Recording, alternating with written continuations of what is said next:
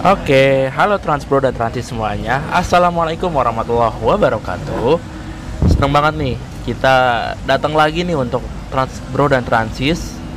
Eh, kita akan membawakan topik-topik yang insya Allah berguna dan juga membuat interest banget lah bagi Transpro dan Transis. Di sini ada gua Azam dan gue ditemenin sama Trendcaster Ikal. Sebelumnya mungkin halo. Wah ya, baru pengen di baru pengen disapa lo ini. Aduh jangan dong Jadi jadi gimana gitu. nih kabar Bapak Ikal? Kabar Bapak Azam gimana? Saya sih sehat-sehat aja alhamdulillah ya. Sehat-sehat aja. Karena harus sehat dong. Kan kita mau bawain episode ini. Oh, Di sini kita mau bahas saum. saum. Saum. Eh, puasa ya? Oh, bukan Oh, puasa. bukan. Jadi saum itu adalah sistem angkutan umum massal. Oh iya iya oke. Nah, oke. Iya bener. Jadi mungkin Transpro dan Francis sudah bahas, sudah baca lah judul besar dari episode ini yaitu kiat penyelenggaraan sistem angkutan umum massal berbasis jalan. Nah, langsung aja lah ya, gue pengen nanya nih ke Igal nih. Kalau boleh tahu latar belakang dari kondisi transportasi publik perkotaan yang berbasis road base itu sekarang bagaimana sih? Terus juga apa langkah yang diambil pemerintah? Eh, kalau gue baca ya dari Ditjen Hubdat ya, perhubungan darat, Ya. kabarnya Indonesia sedang mengalami darurat transportasi umum gitu, katanya.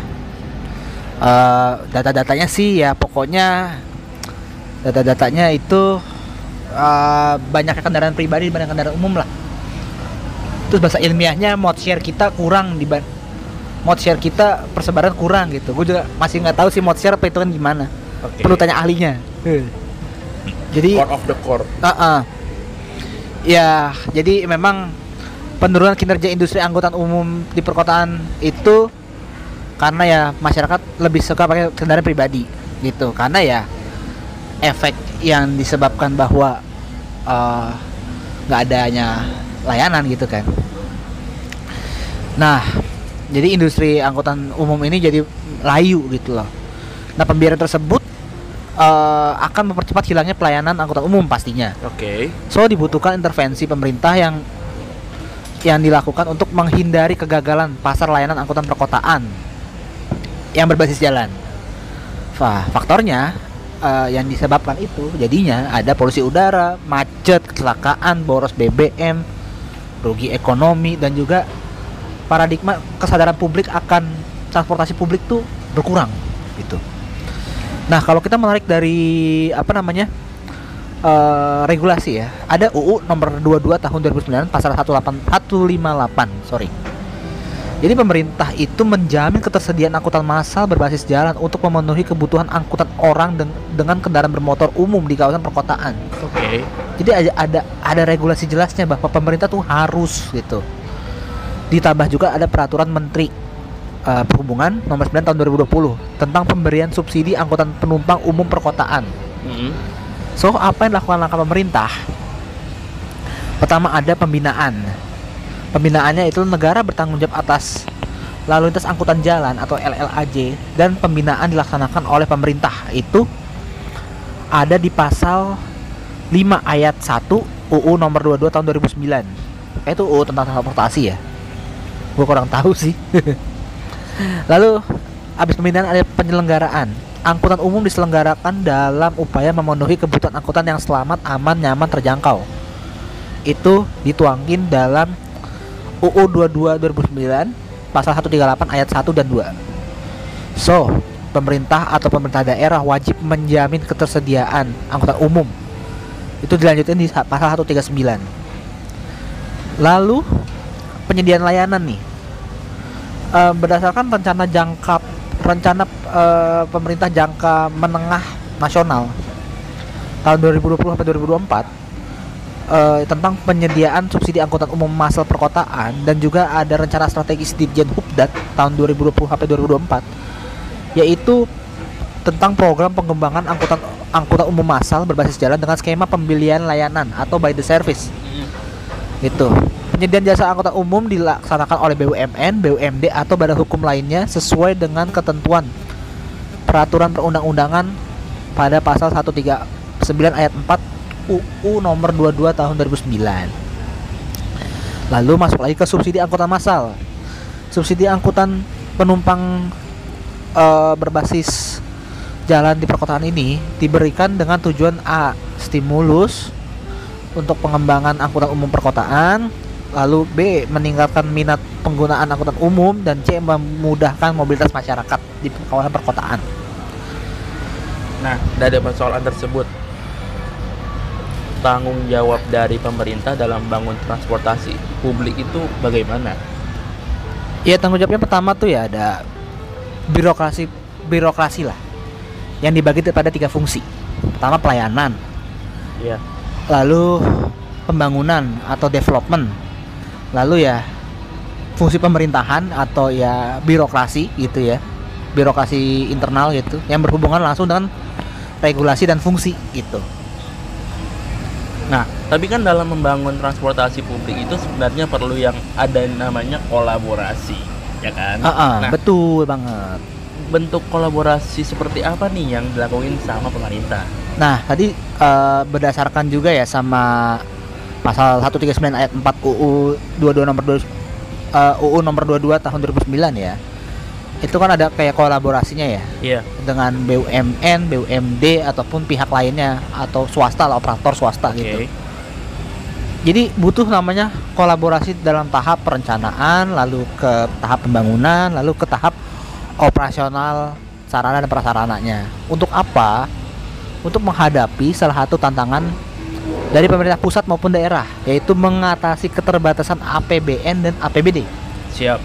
untuk mendanai ke- berbagai kebutuhan pendanaan eh, pembangunan dan pengembangan infrastruktur transportasi berbasis jalan di perkotaan, lebih tepatnya.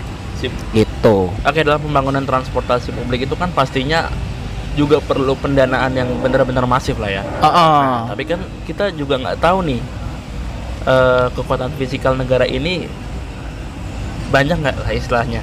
Oh, oh, oh. Kira-kira ada cara lain nggak yang dibuat untuk itu?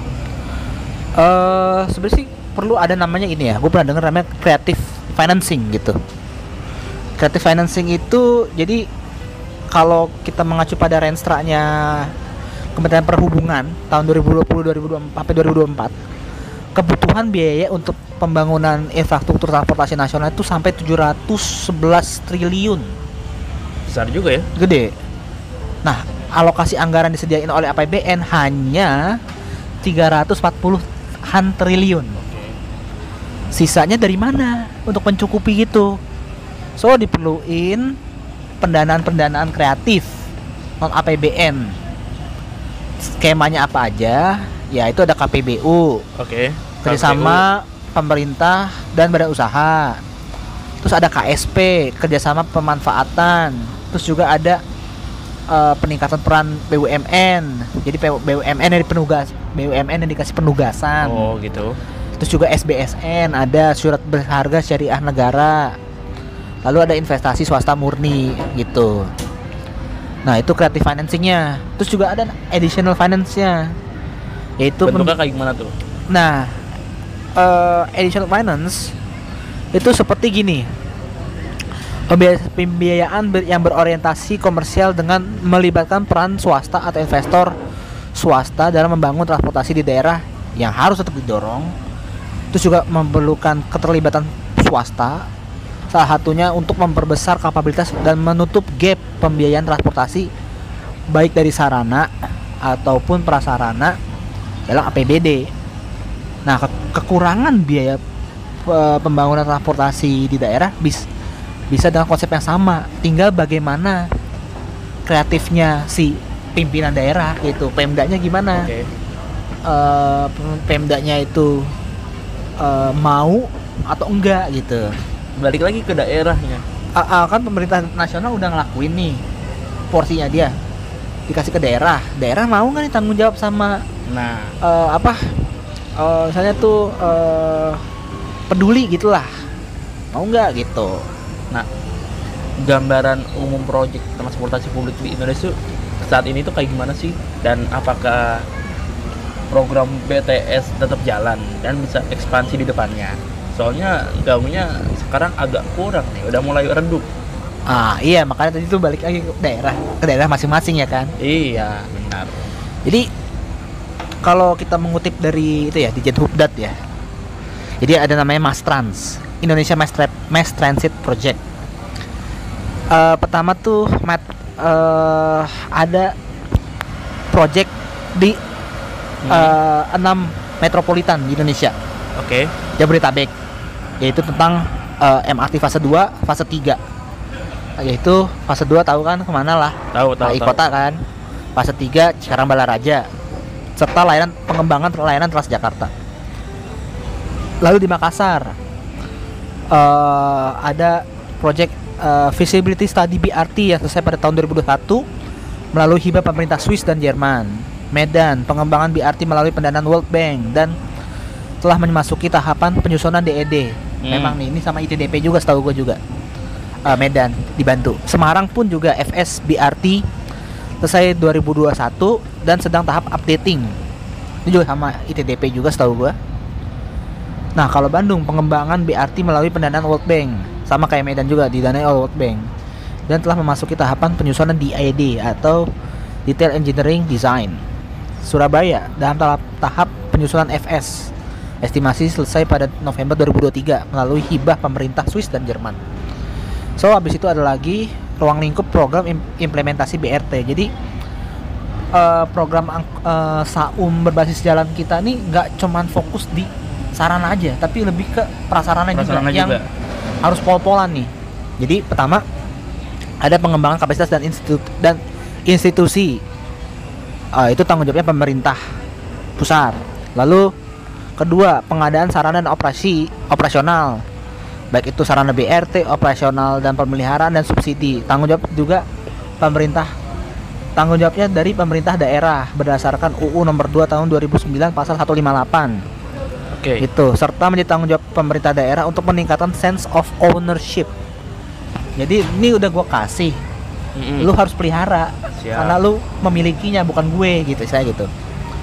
Lalu pengembangan infrastruktur BRT ah, yaitu depo eh, NMT sampai ke ITS juga gitu. Jadi Oke. popolan nih. Itu juga tanggung jawab pemerintah pusat, tapi akan dihib, diterus hibahkan kepada pemerintah daerah. Ya, dibina dulu sih gitu. Gimana dulu kan intinya? Ah, ah. Nah, by the service emang agak gaungnya sih kurang gitu ya. Ya kita tahu lah, sekarang ada 10 yang dari Ditjen Pupdat, Iya. Medan, Palembang, Bandung, Banyumas, Jogja, Solo, Surabaya, Denpasar, Makassar, Banjarmasin, sama satu dari BPTJ Bogor gitu. Eh, SPM-nya keamanan, ya ada CCTV, ID driver, tombol hazard DLL, terus juga kenyamanannya suhu, kebersihan, lampu penerangan dan lain-lain, keselamatannya seperti apa, eh seperti ya SOP operasi kendaraan, eh, SOP darurat, keteraturan eh, headway, waktu berhenti di halte segala macem, terus juga keterjangkauan akses- aksesibilitas dan tarif dan juga kesetaraan yaitu ketersediaan kursi prioritas itu SPM yang dilakukan oleh by the service yang ada di 11 kota itu ya Nah sejauh ini bagaimana kinerja operasional dan kinerja layanan dari yang kita tahu teman bus lah ya, Mm-mm. yang ada di 10 kota di Indonesia itu. Ya, eh, berdasarkan dari data Surveyor Indonesia ya, eh, jumlah penumpang harian tahun 2020 sampai 2021 karena ada ppkm dan covid Iya. itu menurun. Tapi sekarang eh, kira-kira data sampai 31 Mei itu sekitar 64,41 persen penggunaannya, gitu. 64 ribu, Lumayan 64 ribu, 64 ribu orang yang make gitu. Dalam? Dalam ini data Mei Oke. akhir, tapi dibagi dalam 10 kecil juga sih. Ya nggak apa-apa lah. Ya, iya lumayan lah. Gitu. Tapi eh, target 2022 tinggi gitu. Sekitar 72 ribu penumpang gitu. Ya harapannya sih bisa lebih tinggi lagi di akhir tahun ini ya. Semoga aja sih Ah, ah, bisa. ini kan baru data Mei gitu loh. Terus kepuasan pelanggan nih dari aspek keselamatan ya 80% puas sistem pembayaran 80% puas keamanan kenyamanan cukup puas semuanya di angka di atas 60% lah di atas di angka di atas 70% gitu Jadi rata-rata 78,14% sangat puas gitu. Oke. Tapi berdasarkan survei as aspek aspek aksesibilitas menjadi area of improvement i- utama terkait kondisi fasilitas pendukung misalnya trotoar, marka dan juga lampu penerangan di sekitar halte prasarana lah gitu. Terus untuk efisiensi pengeluaran biaya transportasi ini 46% responden eh merasakan eh, adanya ini penghematan biaya gitu. Jadi 46% ini terdiri dari 74,7 roda 2 dan 52,3 persen eh, roda 4 gitu. Nah, merasakan hemat biaya sekitar 30 sampai 70 persen gitu. So key poinnya biaya transportasi yang dikeluarkan oleh masyarakat menjadi lebih rendah karena penggunaan layanan by the service. Nah, hal ini mengindikasi bahwa kehadiran by the service teman bus secara nyata berkontribusi pada penghematan biaya transportasi bagi masyarakat sebesar 55%. Itu. Nah, hal ini bisa ditingkat, ditingkatin lagi Zam dengan Bisa. adanya integrasi tarif. Nah, itu Nah. sebenarnya bisa. Itu lagi dilakukan ya, meskipun caranya nggak serumit Jakarta gitu, nggak kompleks Jakarta, tapi at least cara-cara yang eh, masih itu ya cukup eh, bisa di bisa dilakukan masyarakat lah gitu, misalnya kayak tinggal tunjukin struk eh, selama dua jam masih gratis gitu ya, it's okay gitu. Yang penting kan untuk meningkatin Demand dari masyarakat. Eh, bukan demand sih, lebih tepatnya ningkatin ridership gitu. Demand udah ada, Oh, tinggal ya di diisi aja gitu loh. By the way, kan ada juga ya layanan transportasi publik perkotaan yang biayanya tuh dari APBD. Nah, kalau nggak salah, contohnya kayak apa aja deh? Ya, tadi kan by the service itu dari Iya. pemerintah ya. Nah, kalau yang APBD itu mandiri gitu ya. Pertama ada Trans Kutaraja, Trans Padang, Trans Metro Pekanbaru. Terus TJ pastinya. Oke. udah paling pas banget Tayo, Tayo Trans Kota Tangerang, Trans Jateng, Trans Jatim, terus juga Trans Jogja yang non non non BTS, terus Trans Bagita juga masih ada non BTS, terus eh, di apa di Surabaya pun ada masih juga ada yang non BTS Surabaya Bus dan Warawiri kota Sur Warawiri angkot itulah Trans Semarang pun juga sama Trans Banjarmasin kalau tadi kan yang Banjarmasin Banjar BTS Bakula. Banjar Bakula ya benar-benar iya. sama satu lagi eh, Andalan di di Sulawesi Selatan gitu Oh iya, tadi kan di pembahasan yang gambaran umum proyek transportasi publik Heeh, itu ada program implementasi BRT di kota-kota selain Jakarta lah ya. betul yang enam kota itu tadi kan Nah. Heeh. Seperti apa tuh rencananya? Oke, pertama kita bahas dari ini dulu ya, BRT Medan ya. Iya. eh jadi koridornya itu kurang lebih untuk jalur ya, Iya. bukan koridor kayak Transjakarta koridor BRT ya. Jalurnya itu 21 km. Halte 33 halte dedicated lane. Rutenya ada 17 rute layanan langsung. Ya, itu nggak tahu sih nanti gimana. Iya, benar-benar. Kemungkinan besar ya saat se sejalur itu ini ini gambarannya ya untuk kesimpulan ya. Untuk umumnya ya. Satu jalur Iya. itu diisi sama ya rute-rute lain gitu. Jadi kayak non BRT lah, bisa masuk jalur, bisa keluar jalur gitu lah. Oh, Bukan- paham. Iya, iya. Bukan satu tarik lurus gitu. Nggak kayak koridor satu BRT gitu, enggak. Ya kayak misalnya 1A gitu. Macem-macem lah. 10H contoh kayak gitu-gitulah yang keluar masuk BRT gitu. Jadi NBRT-nya bisa, BRT-nya bisa. Ya masih tergantung sih, gue masih belum tahu juga sih. Ya, itu kebijakan aja nanti Ah, gimana. ah. Karena kan emang ya ini sedang dipersiapkan dipersiap matangkan lah ya bahwa ini begini nanti tinggal selanjutnya pemerintah daerah yang dah itu pokoknya kita udah pola-pola nih pusat udah pola-pola nih tinggal selanjutnya lu gitu Iya, setuju. nah itu tadi Medan ya oh sama rencana unit bis kita 515 unit bis. Nah BRT Bandung 21,7 jalur khusus 27 halte dedicated lane 18 rute layanan langsung 455 unit bus. Gitu. Nah kalau bisa dilihat sih katanya tuh Asia Afrika akan akan jadi ini Zam. Apa? Simbol transportasi? bukan eh, jalur BR ada jalur BRT-nya gitu. Oh, oke.